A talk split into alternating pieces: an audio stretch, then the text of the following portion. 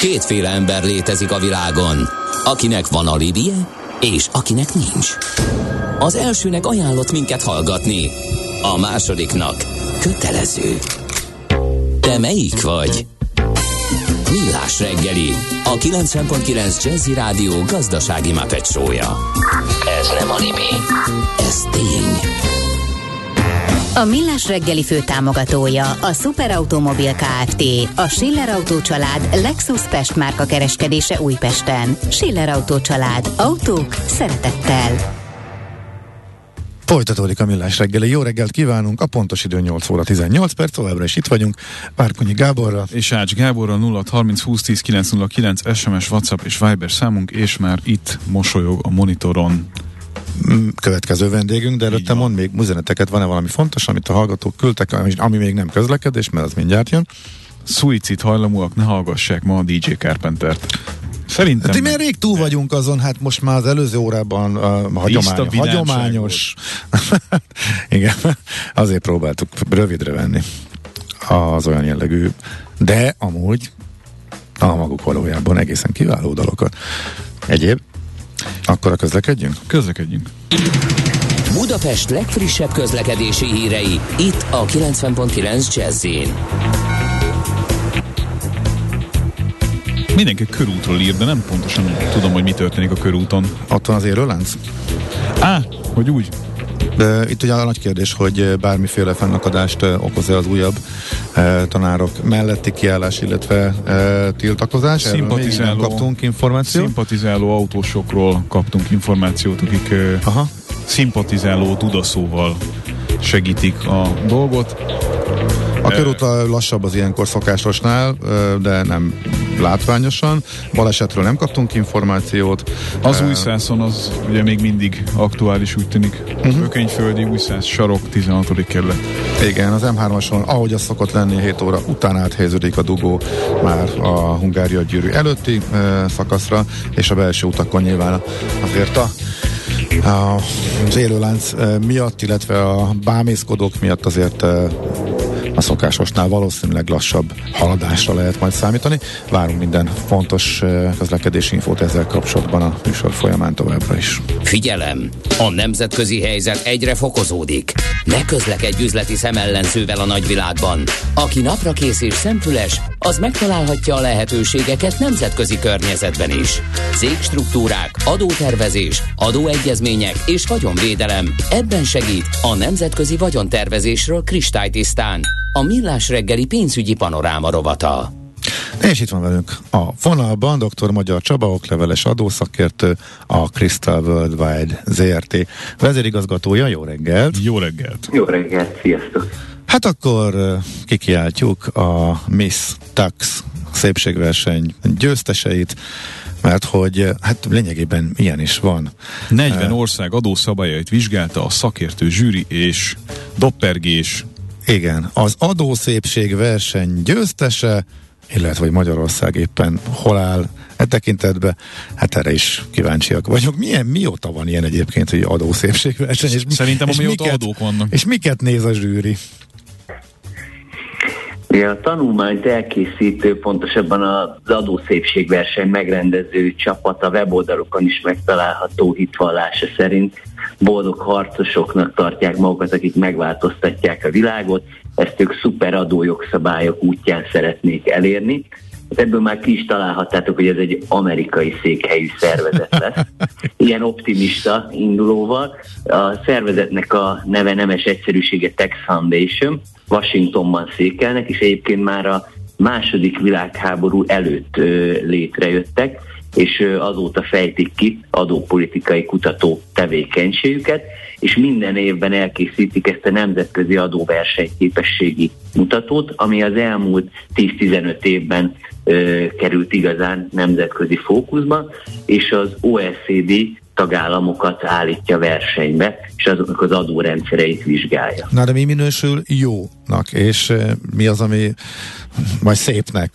Mi alapján állítják össze ezt a rangsort, illetve választják meg a legszebbet? Gábor azt akarja kérdezni, hogy csak az alacsony adók, vagy a könnyen kifizethető, mondjuk pontosabban átlátható hát, rendszer. A kettő igen. együtt. De milyen szempontok ami... alapján, igen, itt elkezdve. Igen, ahogy manapság a szépségversenyeken is lenni szokott, ugye nem csak a külcsínt veszik figyelembe, hanem a belső értékek is kiemelt figyelmet kapnak.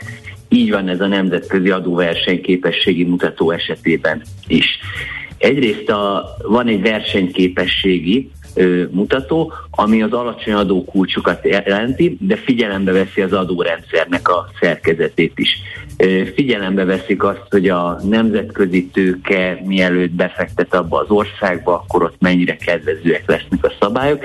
Ezen kívül pedig egyébként a tanulmány is kimutatta, hogy a magas társasági adó kulcsok azok károsabbak a gazdasági növekedésre, míg a személyi jövedelemadó és a fogyasztási adók nem befolyásolják olyan mértékben, éppen ezért például a társasági adó... Akkor jók leszünk, jók leszünk, jók leszünk már, mint Magyarország ez alapján.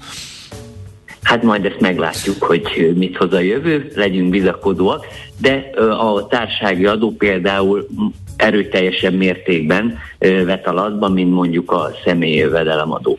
Viszont a versenyképességen túl van egy függetlenségi mutató is, ami azt jelenti, hogy mennyire befolyásolja az adózókat a fogyasztás vagy a megtakarítás irányába. Tehát az lenne a jó, hogy igazából az adózók erről jobban tudjanak dönteni, illetve van olyan üzleti csoport az országban, amely kifejezetten előnyben részesül Várja, az adórendszernek köszönhetően. Jobban tudjanak dönteni, vagy egyértelműen inkább megtakarítsanak? Vagy egyértelműen inkább fogyasszanak? Éppen az a cél, hogy ezt ne befolyásolja az állam, hanem ezt a fogyasztók eldöntessék. De van Tehát olyan adórendszer, ami ezt, ezt, ami ezt nem befolyásolja? Természetesen nincsen, de ettől függetlenül ők megpróbálják azt nézni, hogy az adórendszer független eltekintetbe, de hát nyilván az adópolitika meg arról szól, hogy időnként szeretnénk a fogyasztást, néha meg a megtakarítás irányába befolyásolni, de ugye ők ülnek az elefántcsontoronyba, és abból a szempontból akarják megközelíteni, hogy na mikor történik az, hogy mégsem befolyásolja annyira az állam ezt az adórendszerrel. De Tehát... egyébként szerintem is akkor működik jól, hogyha az állam egy kicsit uh, igyekszik az adópolitikán keresztül befolyásolni ezeket a folyamatokat, mert ugye nem mindegy, hogy magas az infláció, vagy alacsony az infláció, tehát azért ez egy fontos szempont. Nem akarom nagyon, szerint, nem akarom nagyon eltéríteni, csak, csak egy kérdés, egy ilyen, egy ilyen modell, hogy ha mondjuk uh-huh. egy egy országnak az adórendszere alapvetően abba az irányba hat, hogy lehetőleg több pénz maradjon a, a felhasználónál, hogy így nevezzük, uh-huh. ellenben mondjuk fogyasztási adókat preferál jövedelmet terhelő adók helyett, akkor az egy egyértelműen valamilyen irányba ható befolyásolás mondjuk itt a szempontrendszer szerint, vagy az egy relatíve semleges dolog, mert hogy a végső cél mégiscsak az, hogy több maradjon náluk, és maguk dönthessenek. Hát itt igazából két iskola létezik. Az egyik, amit Magyarország is követ, és amit te is említettél, hogy viszonylag alacsony jövedelemadókat alkalmaznak, viszont a fogyasztási adó magas, és az állam ezen keresztül akarja beszedni a jövedelmeket, mert úgy látja az állam, hogy az az igazságos, hogyha minél inkább ö, fogyasztási adók útján szedjük be az adókat, és mindenki eldönti, hogy akkor inkább takarékoskodik, vagy inkább fogyaszt. Még ugye a másik iskola, ami jellemzően Egyesült Államokban vagy Németországban is jellemző, hogy inkább magasabb jövedelemadókat alkalmaznak, és ezen a csatornán keresztül akarja behozni az állam ezeket a jövedelmeket. És egyébként, hogy még messzire mutassak ebből az irányból, ugye a globális minimumadó is ennek a koncepciónak felel meg leginkább. Uh-huh. Na jó, hát akkor nézzük, hogy kik a győztesek, ki lett az adószépségverseny győztesen mindezen szempontok alapján, illetve kik az udvarhölgyek, illetve, és tényleg nagyon kíváncsi várjunk, hogy Magyarország hova fér fel. És mik a tendenciák? Igen, Észtország nyerte meg a versenyt. Ugye a részvevő államoknál megnézték a társági adót, a személyi jövedelemadót, a fogyasztási adókat, a vagyonadókat és a nemzetközi adószabályokat is. Mindegyik szempontból Észtország kiváló pontszámokat szerzett, ugyanis náluk úgy működik a társági adó, hogy csak akkor kell megfizetni a társági adót, felosztják a nyerességet, vagyis osztalékot fizetnek a tulajdonosok részére, ekkor viszont 20%-ot kell ö, megfizetni. Tehát arra serkentik a cégeket, hogy inkább befektessék a profitjukat, ne pedig a tulajdonosok vegyék ki ezt. Persze kivehetik, de akkor 20% társági adót kell fizetni. Egységesen 20% a személyi jövedelemadónak a mértéke is, viszont ott nem terjed ki náluk az osztalékra, illetve náluk is van ingatlan átruházása után adó, viszont ez csak a teleknek az értékére és nem a felépítményre vonatkozik. Egyébként Észtországnál nagyon érdekes, hogy én hozzá szoktam tenni, hogy azért kicsit nagyobb a füstje, mint a lángja, és ez a láng leginkább egy rózsaszín marketing felhőben ér véget, ugyanis hogyha Magyarországot nézzük, akkor nálunk van egy kiva nevezetű adónem, és a kivánál is úgy működik, hogy csak akkor kellene adóznom a nyerességem után, amikor kiveszem osztalék formájában, és a kiva azt támogatja, hogy inkább a profitot befektessem a vállalkozás céljainak megfelelően, Ráadásul nálunk ilyenkor 10%-ot kell fizetni, nem pedig 20%-ot, mint Észtországban. Csak ugye az ész adórendszer az teljesen annak megfelel, mint Magyarországon a kiva. Úgyhogy ebből a szempontból sem rossz Magyarország, hiszen van egy, egy ugyanolyan adózási formája, mint Észtországnak, csak még annál is kedvezőbb. Uh-huh, és akkor nálunk ez opcionálisan választható. Nem hát igen, ugye de, igen, bárki igen. nem választhatja igen, igen. Lát, de ettől függetlenül van erre is lehetőség. Na, és egy másik bár... És akkor jöjjön Magyarország. De várjál, itt, itt látunk egy másik igen. balti országot is. Ó, még akkor dobogosokat azért nézzük előtte, ha, ha, ha nem vagyunk Ja, igen, igen, igen. Igen, Lettország és Új-Zéland is. Litvániát látok itt. Versenyben. Bocsáss meg, de Litvániát látok itt. Nem, Lettországon a második. Igen, igen, igen. Így van, bocsánat, igazad van. Annyit kell tudni, hogy ők egy egyben átvették az észtadó rendszert, tehát ugyancsak ez a szisztéma, hogy ha kiveszed a profitot a vállalkozásból, akkor abban az esetben kell adóznod a nyerességed után. Új-Zélandon pedig viszonylag magas a társági adó mértéke, tehát 28 százalék, viszont számomra is meglepő módon mégis bekerültek a top 3-ba Új-Zéland részéről. Náluk igazából az új-zélandi adórendszernek az egyszerűsége, ami sokat vetett alatba, illetve Új-Zélandon szintén egy fontos szempont, hogy az ingatlanok átruházása után csak a telek értéke után kell fizetni az illetéket, tehát úgy látszik, hogy itt a top három helyezetnél mindegyiknél ez ott van az országban, hogy viszonylag egyszerűen lehet ingatlanokat értékesíteni. Uh-huh. Na jó, akkor most lássuk Magyarország hova fért föl. Én ugye Magyarország nagyon előkelő helyen végzett, bekerültünk a top 10-be, hetedik lettünk, hetedik helyezést értük el összesítésben, ami abból a szempontból is jó, mert tavaly még csak a 13. volt Magyarország, azt megelőzően pedig a 14. tehát folyamatosan javított Magyarország ebben a ö, rangsorban. Érdemes kiemelni, hogy a társági adó területén az ötödik helyezést értük el, személyi jövedelemadóban a hatodik helyezést, míg nemzetközi adózás területén meg az előkelő harmadik helyet ö, sikerült megcsípnünk. Uh-huh, és akkor Igazából, itt... Aha. Uh-huh. Mondd csak. Kérdezz nyugodtan.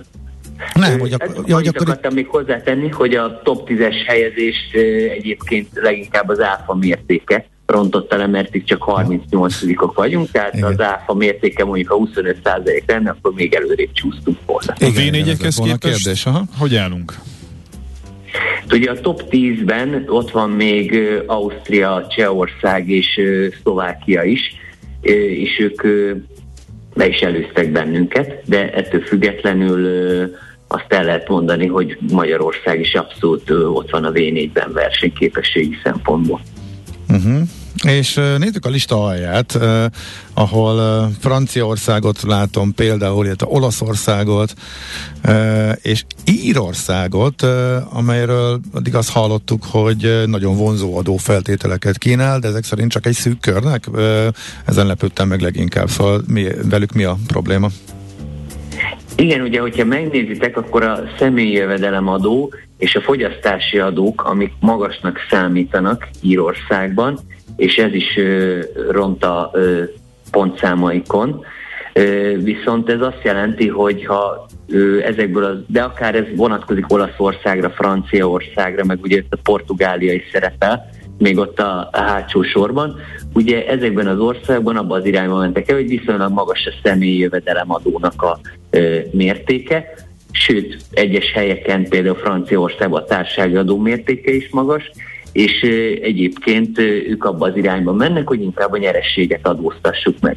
Írország egy alól kivétel, ugyanis a 12,5 százalék a társasági adó mértéke, tehát az azt jelenti, hogy külföldieknek jó oda menni, hiszen akkor, ha nem feltétlenül helyi tevékenységet végeznek, akkor csak 12,5% lesz az adó, amit meg kell fizetniük. Viszont egyébként, hogyha már helyben ö, fogyasztasz, helyben veszed ki az osztalékot, akkor abban az esetben már magasabb adókra kell számolni, tehát ez inkább a nemzetközi befektetőknek kedvez az íradórendszer.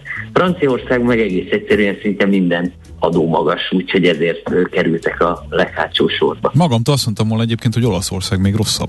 Így tippen. Hát ugyanott vannak, tehát a, ők a sereghajtók. Nagy de... kis különbség van ö, közöttük, úgyhogy ha megnézitek a listát, amit küldtem, akkor láthatjátok, hogy olyan ö, nagy különbség nincsen köztük. Igazából Olaszország egy picit jobb a személyjövedelemadók szempontjából, mint Franciaország. De ezekben az országokban egységesen magas az adóterhelés. Aha. Milyen trendeket lehet mindebből, hogy hogyan változnak az országoknak a helyezései, ki milyen irányba megy, milyen általános trendeket látni a adórendszerek változását illetően az elmúlt években? Ugye a tanulmány ezt külön nem vizsgálta, de az elmúlt időszakban nagyon tapintható volt, hogy a társági adó mértékét mindenki elkezdte ö, lefelé vinni, és ugye emiatt jött be a globális minimumadó is, mert sokan megértek, hogy úristen, hol lesz ennek vége, akkor húzzuk meg 15%-ban, és akkor talán ez alá nem mennek, mert egész egyszerűen úgy látták sok országban, hogy a magas társági adó a fejlődésnek a legnagyobb gátja, illetve a másik, ami tendenciaként megjelent az elmúlt időszakban, ezt is tapasztaltátok, hogy törje a fejét mindenki gőzerővel, hogy hogyan lehetne a digitális vállalkozásokat megadóztatni. És erre is próbál egyébként az OECD már megoldást kidolgozni a globális minimum adó mellett, de azért ugye a globális minimum adóval is várjunk még. Ugye Magyarország nemet szavazott ennek a témakörnek, de ugyanakkor az Egyesült Államok, aki ilyen harcosa volt ennek a témakörnek, még egyébként ők sem vezették be. Mm. Sőt, annak idén, amikor ez a globális adóügyi információcsere ment, hogy a bankok szolgáltassanak adatot, akkor is az Egyesült Államok nagy motorja volt ennek a tevékenységnek, és aztán pont ők nem vezették be, hanem ők egy saját rendszer dolgoztak ki, úgyhogy még a globális minimumadónál is várhatóak meglepetések. De visszatérve most az volt a tendencia, hogy társági adó csökken, viszont most már meg kell húzni valahol a vonalat, hogy ez alá nem menjünk, és akkor mindenki töri a fejt, hogy jó, hát akkor próbáljuk meg a digitális vállalkozásokat megadóztatni, hiszen krízis helyzetben azért mégiscsak szert uh-huh. kéne tenni adóbevételekre. Plusz ugye a külön adók még, ahol, amik szép lassan bebátorkodnak a legtöbb országban. Csaba, én itt, én, én itt látok valami furcsaságot. Méghozzá, hogyha itt a, a rangsorban elkezdem egymáshoz képest viszonyítani az országokat, akkor nekem feltűnő, hogy a, az általában nagyon magas adókkal társított skandináv országok nem feltétlenül vannak rossz uh, helyezéssel uh, a, a listán. Tehát Svédország adórendszere, meg Norvégia adórendszere mondjuk itt a, a, az, az Egyesült Államok adórendszeréhez képest kedvezőbb színben tűnik föl. Ez, ez létszés helyez már nekem kontextusban, mert alapvetően azért nem ezt szokták gondolni első blikre. Így van, ugye a skandináv országok arról híresek, hogy elég magasan megadóztatják az embereket, tehát ugye gyakorlatilag van olyan, amikor a, ha a cég adóztatását, meg a magánszemély adóztatását is nézzük, akkor van, amikor 60%-ot is elvisznek. Ráadásul mindezt boldogan fizetik a skandinávok, hiszen a szolgáltatás, amit kapnak cserébe, az is viszonylag jónak számít, viszont náluk sokat számít az adórendszernek az egyszerűsége, a másik pedig, ahogy említettem, hogy a függetlenség is sokat számít náluk, tehát ott abszolút neutrálisan, semmilyen speciális kedvezmények nincsenek, és éppen ezért ezt is a tanulmány úgy részesíti, hogy ez kifejezetten előnyös, hiszen egy független adórendszert alakítottak ki a skandináv országok, még a többi országban pedig sokkal összetettebb a rendszer, sokféle adó létezik, és egyébként sokféle kivételek meg kedvezmények vannak uh-huh. benne. Még egy utolsó kérdés, akkor a versenyt általában jónak tartjuk mindig, de az adóversennyel kapcsolatban, amiről előbb beszéltünk, szinte mindenki negatívan nyilatkozna, és most már annak a korlátozása került ugye itt szóba a minimum adóval is lényegében. Ez, erről mi a véleményed, ez miért van így? Hát általában a kisebb országok, akik szeretnék a tőkét bevonzani, ők abban érdekeltek, hogy igenis legyen ö, alacsony a társági adó mértéke, hiszen akkor a nemzetközi adó tortából nagyobb szeletet tudnak kihasítani ö, maguknak. Éppen ezért ők úgy gondolják, hogy az adóverseny jó. Európán belül is, ha mondjuk az íreket megkérdezed, Magyarországot, vagy éppen Ciprus Máltát, mindenki azt fogja mondani, hogy hát mindenki alakítsa az adórendszerét a saját elképzelései szerint, és majd meglátjuk, hogy hova megy a nemzetközi tőke. Viszont azok az országok, mint például Németország, Franciaország, akik eleve magas társasági adót alkalmaznak, és ők abban érdekeltek, hogy a külföldön működő vállalkozásaik is minél többet adózzanak otthon a profitjukból, ők pedig azt mondják, hogy hát nincs szükség itt adóversenyre, semmire nem jó, csak versenyzünk egymással, és ugye itt tapintható egy nagy szakadék a két kategória között, hiszen teljesen ellentétes érdekek mentén ö, működnek. És ugye Magyarország is egyértelműen amellett foglalt állást, hogy adózási szempontból legyen meg a szuverenitása a tagállamoknak, hiszen hogyha mondjuk bármikor az ottani viszonyok szerint alakítani kell az adórendszert, akkor ebben ne szólhasson bele más. Uh-huh. Míg azt mondják mondjuk a németek, meg a franciák, hogy na jó, de hát akkor mi legyen mondjuk a, az autógyártókkal, akik Magyarországon működnek, szeretnénk mi is részesedni abból a plusz bevételből és annak az adó örömeiből, ami, ami egyébként Magyarországon Akkor van. viszont miért ment bele az országok nagy része döntő többség a számukra kedvezőtlen globális minimumadóba? Mert ők úgy gondolták, hogy azért 15% alá egyébként sem nagyon mennének, és akkor így talán ki tudják küszöbölni a csorbát. Tehát Magyarországon viszonylag azért extrém a 9%-os társági adó, ugyanúgy, ahogy extrém a 27%-os áfa is. Éppen ezért Magyarország ebben a tengelyben ugye a túlsó végén mozog a történetnek, viszont nagyon sok országnál úgy voltak vele, hogy az a 15 százalék még belefér nekik is, és ezért mentek bele. De azért az ördög a részletekben rejlik, hiszen azért a globális minimumadónak a szabályaiban is volt olyan, amit Magyarországnak sem tetszett, hogy igazából ne csak ezeket az adóelkerülési struktúrákat érintsék ezek a szabályok, hanem a gyártóvállalatokra is terjedjenek ki, és ez az, amit Magyarország nem annyira támadott, vagy nem annyira ö, támogatott, hiszen azt mondják, hogy jó, az ilyen adóelkerülés struktúrák kell lépjünk fel, és legyen globális minimumadó. Viszont, hogyha ez egy termelőgyártó cég, aki ténylegesen ott van az országban, akkor ezt akkor ezt a céget ne kínozzuk ezzel a globális minimumadóval. Uh-huh. Oké, okay, így akkor világos, hogy kinek mi az érdeke, és ezek mentén jár el mindenki. Nagyon szépen köszönjük Csaba, ez nagyon érdekes volt. Szép napot, jó munkát Szívesen, nektek is. Szia, szia. szia, szia. Dr. Magyar Csaba, okleveles adószakértő volt a vendégünk, ő a Crystal Worldwide ZRT vezérigazgatója. Járj mindig egy lépéssel előrébb. Elemezzük együtt a határon átnyúló ügyleteket jogi és adózásügyi szemszögből. Emlékezz, ne tedd az összes tojást egyetlen kosárba. Ez a pénzügyi önvédelem tudománya. Nemzetközi vagyontervezésről kristálytisztán. Aranyköpés a millás reggeliben. Mindenre van egy idézetünk. Ez megspórolja az eredeti gondolatokat. De nem mind arany, ami fényli. Lehet kedvező körülmények közt gyémánt is. Na, mondod? Hmm. Nem csak mint az Fukuyama, mint, mint Fukuyama rajongó, az aranyköpés. Na, na, na, na, na, húzz ki a gyufát. Ezt a teszádból szeretném hallani. Egy Igen. demokráciának mindig szüksége van a megújulásra, szüksége van arra, hogy őszintén szembenézzen saját magával, vagy bocsánat, saját hibáival, e teljes mértékben egyetértek. Tényleg.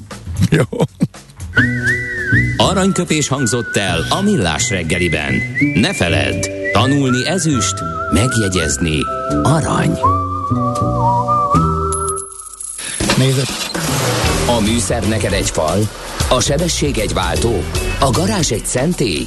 Zavar, ha valaki elbetűvel mondja a rükvercet. Mindent akarsz tudni az autók világából? Akkor neked való a millás reggeli autós rovata. Futómű.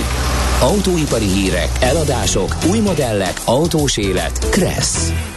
Szóval teljes mértékben egyetértünk mindketten vele, csak máshogy csinálnák a dolgokat, de ez így van. Az ez egy így, másik kérdés. az egy másik kérdés. Ács kollega megint iskola rádióban érzi magát. Na jó, hát ez nem volt olyan súlyos, csak annyira meglepődtem, hogy neked is itt van még a rovatod. Na, Igen. Par- parancsolj.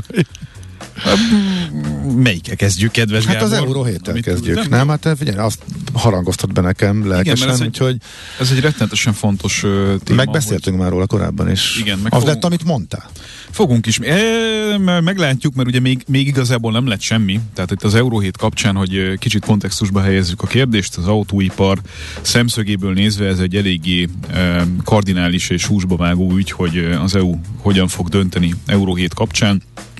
Ugye itt arról van szó, hogy egy egyébként is eléggé szigorú kipufogógáz és CO2 normát nagyon minimális hatás érdekében nagyon-nagyon komoly ráfordítással lehetne vagy kellene szigorítani az eredeti tervek szerint. És Sőt- azt, azt jósoltad, hogy ez föl fog puhulni. Hát És ebbe az irányba mutatnak a jelek. igen, ebbe az irányba mutatnak a jelek.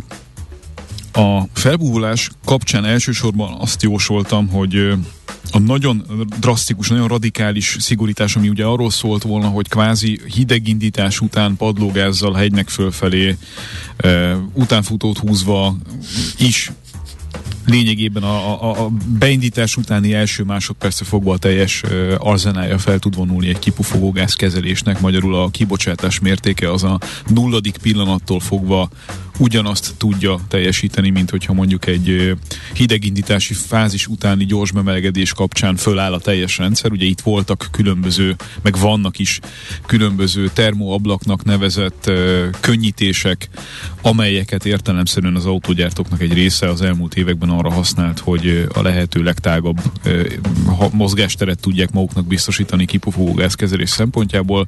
Szépen körülírva ugye ez arról szólt, hogy ne teljesítsék a maximumot, akkor, hogyha nem várják el tőlük a maximumot. Tehát az, az egy jó dolog, hogy ebben szigorodtunk eh, bizonyos értelemben. Az egy rossz dolog ugyanakkor, vagy egy rossz dolognak ígérkezett az autóipar szempontjából, hogy ha egyébként is kvázi el van döntve Európában, majd meglátjuk, hogy ez marad-e vagy sem, de most egyenlőre ugye abból kell kiindulnunk, hogy marad, hogy 2035-re csak elektromos autókat lehet majd újonnan forgalomba helyezni, egészen pontosan csak olyan autókat, amelyek lokális emissziómentesen, tehát vezetés közben vagy használat közben széndiokszid semlegesen és emissziómentesen tudnak közlekedni, szóval hogyha ez egyébként így marad, akkor lényegében egy másfél modell generációra kellene kifejleszteni egy új motorgenerációt, ami rettenetesen költséges. És az Euro 7 az még a legoptimistább várakozások szerint is nagyon pici konkrét hozzájárulást, konkrét javulást jelentene kibocsátási értékekben, és a jelenlegi autóipari helyzetet, keresletcsökkenést, következő tíz év terveit nézve úgy tűnik, hogy az EU-ban sikerült valamennyire a józanság irányába terelni a dolgokat, mert hogy eléggé felpuhították ezeket az elképzeléseket. Nyilván itt a különböző zöld lobby szervezetek ugye azonnal kígyót békát kiáltottak, de hát azért a, a helyzet az, hogy tényleg nem sok értelme lett volna annak, hogy itt autógyártótól függően gyakorlatilag 6-8-10 éves periódusra, tehát tényleg egy másfél modellciklusra kifejlesztenek valamit, ami aztán nem fogja visszahozni a, a, az értékét, amit belefektet. Ez az inkább pöfögjük tele a dzsuvával a Igen, ez, légkört. ez nagyon Na, jól szóval- hangzik, ez nagyon jól hangzik, csak hogyha aki kicsit is képben van azzal, hogy egy Euro 6 Temp D ma mit tud, az pontosan tudja azt is, hogy légszennyezettségi szempontból egy városi levegő kapcsán nem az autózása meghatározó, amennyiben modern autókról beszélünk. Ugye az egyébként az Euro 7 kapcsán szerintem egy nagyon jó elképzelés, hogy elkezdtek, elkezdtek foglalkozni azzal, hogy az autók szempontjából valami fajta minimumot meg kéne adni a, a tartós kipufogógáz kezelési hogy mondjam, hatékonyság fenntartás szempontjából, és ezt magyarra lefordítva úgy akarom értelmezni, hogy az nagyon jól hangzik, hogy egy autó újonnan, meg mondjuk az első néhány évben tudja azt, amit a katalógus ígér. Az meg nagyon rosszul, és ezt mindannyian látjuk és tudjuk, hogy amikor elkezd öregedni egy autó, tehát belefordulunk itt a tíz év környéki, vagy akár még korábbi e, időszakokba, akkor ugye különböző mahaniációk kapcsán, meg egyébként az autó általános öregedése kapcsán is a kipufogógáznak az összetétele romlik. Ez a mostani per pillanat készülő legmodernebb autóknál ugyanúgy érvényes, mint a 20 évvel ezelőttieknek? Ráadásul a legmodernebb autóknál ugye még hozzájön az a faktor, hogy rettenetesen sok nagyon drága olyan eszköz van, a kipufogó rendszer, eh, meg a kipufogógáz kezelés kapcsán, amit sajnos a tapasztalat úgy mutatja, hogy Kelet-Európában leginkább, ahogy egy autó elkezd öregedni, elkezdenek szépen kiépítgetni belőle, amivel viszont súlyosan mérgező dolgokat lehet összehozni. Tehát nagyon szuper, hogy van AdBlue, csak hogyha az AdBlue-t kikötjük, akkor az a helyzet, hogy ez rettenetesen mérgező tud lenni. Mert hogy azért a technikai háttere ennek nem úgy működik, hogy eddig nem volt részecske szűrő, most lesz, lett, rész, lett részecske szűrő, és akkor, hogyha kiszedjük Várj, a részecske szűrő... is. Lett részecske szűrő, lett részecske szűrő, lett részecske szűrő. Na, Na me, me, me, megy ez. Jó, okay, nem. Szóval, Kicsit nyögvenyelősen, de sikerült. Az, hogy valamit beleraktak, majd mondjuk az autó öregedésével elkezdjük, elkezdünk azon gondolkozni, hogy akkor ezt kiszedjük, mert nem akarjuk sok százezer forintért cserélni, az nem azt jelenti, hogy a helyzetünk az visszaáll arra, a, a kipufogógáz kibocsátási szintre, mint amikor nem volt részecske szűrő, mert ez egy integráns része uh-huh. különböző dolgoknak a, az autó kapcsán, tehát egy autó, amiben van részecske szűrő, majd kiszedjük belőle, az sokkal súlyosabban szennyez, mint egy olyan autó, amit alapvetően részecske szűrő nélkül terveztek, ugye egy Euro 3-as, e, vagy adott esetben Euro 4-es kategóriában. És hogyha ezt ugyanígy megcsináljuk AdBlue-val, tehát a legmodernebb kipufogógáz kezelési rendszerrel a dízel kapcsán, ami ugye a nitrogén oxid kibocsátást hivatott jelentősen csökkenteni, és ami egyébként egy nagyon hatékonyan működő dolog, csak sajnos nagyon sok autónál látunk vele problémát, ezért sajnos nagyon sok autóból e, az szokott lenni a megoldás, hogy kiszedik ezeket a dolgokat, szóval ezek is súlyosan mérgező Aha. dolgok, és az Euro 7 kapcsán az a helyzet, hogy e, kitérnek arra, hogy egy autónak legyen egy minimum e, kilométer és év meghatározottság, hogy meddig kell tudnia azt produkálni kipufogógáz kezelés szempontjában, amit újkorában, amivel én maximálisan egyetértek, azért ezt tegyük hozzá. Na, de ami érdekes, hogy mivel nagyon jelentősen nem húzogatnák a határokat ide-oda, hanem lényegében egy ilyen felpújított rendszer lenne, amit nagyjából lehet egyébként teljesíteni a mostani technológiákkal is, ezért ilyen alkategóriák bevezetésében gondolkoznak. Ugye az Euro 7 az mondom, egy egyszerű és egyértelmű ö, ö, csökkentést jelent károsanyagban. Ráadásul elektromos autók akkumulátoraira is kitérne, méghozzá az akkumulátor élettartalmára, tehát ott is lenne egy minimum megadott határ, amit tudnia kell egy autónak ahhoz, hogy Euro 7-ként lehessen apostrofálni. Megint csak abszolút egyetértek, mert ez a tartóság irányába, uh-huh. meg a fenntartatóság irányába visz minket. Ezen felül lenne egy olyan, hogy Euro 7 Plus, ami azt jelenti, hogy olyan autók kerülnének ebbe, amelyek 10%-kal jobb kibocsátási, tehát alacsonyabb kibocsátási értékeket tudnak, mint amit az egyébként nagyon szigorú törvény meghatározna. Akkor erre valami kedvezmény jár majd? Valószínűleg igen. Valószínűleg igen. Uh, akku élettartamra ugyanígy vonatkozik. Lenne egy Euro 7A kategória, ami, a, ami egy feljavított tehát, hogy az eddigi Euro 6T, TMD és ennek evolúciói alapján még egy feljavított kategóriát jelentene. Tehát ez azt jelenti, hogy elméletileg azért meg lehet majd oldani azt, hogy a jelenlegi technológiát upgrade és ezt utólag is elméletileg meg lehetne oldani, ami egy örvendetes hír. És akkor Euro 7G esetében beszélnénk olyan plug-in hibrid autókról, erről szó volt itt adásban is, amelyek geofencing technológiával automatikusan ö, környezetvédelmileg érzékeny zónákban tisztán elektromos hajtásra kapcsolnának. Tehát mész a plug-in hibrid autóddal, mondjuk beadod a navigációba, hogy te szeretnél, mit tudom én, X város belvárosába megérkezni, akkor egyfelől az autó... táblánál átvált? Igen, magától. Aha. És hogyha ha ugye az autó képes arra, hogy olyan energiamenedzsmenttel rendelkezzen, ami viszonylag feltöltött akkumulátorokkal visz téged a cél vége felé egy olyan zónába, ahol egyébként elektromosan kellene közlekedned, akkor ezt az autó ugye figyelembe tudja venni a teljes, terve, a teljes útvonal tervezésekor. Egyébként ez szerintem egy kifejezetten értelmes dolog. November 9 ezt bemutatni, tehát még van addig körülbelül két hetünk, és akkor ennek az egész ügynek még át kell menni a tanácson, meg át kell menni a parlamenten, tehát hogy itt még azért messze nem mondtuk ki az utolsó szót. Vannak, akik, akik azt mondják, hogy ezt az egészet úgy, ahogy van, el lehetne felejteni.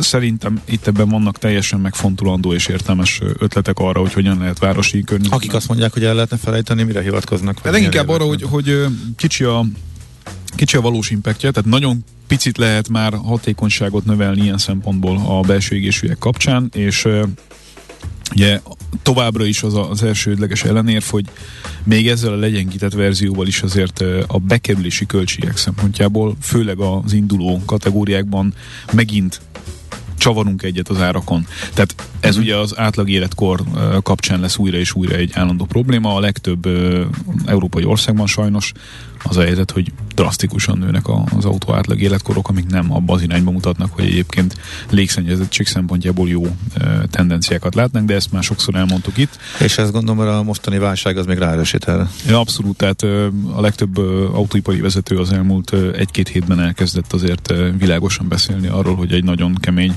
fal irányába megyünk, ami a kereslet csökkenést jelenti, ami azért nem látszik még egyébként a számokon, mert, mert, mert ugye még mindig egy, nagyon nagy a feltolódott rendelésállomány, amit le kell dolgozni.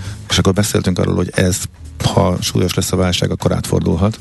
Akkor ez továbbra is így van, tehát kínálativá lesz a vállalat az autópiac. A Covid óta látott elképesztő keresleti piac átfordulhat teljesen. Megtörténhet, de nem hiszem, hogy globálisan. Tehát az inkább egy európai, európai. Probléma uh. lesz szerintem. Ugye itt, itt lesz a vélhetően ugye az energiaválság Európát érinti a leginkább, tehát akkor itt lesz a kereslet visszaesés is leginkább.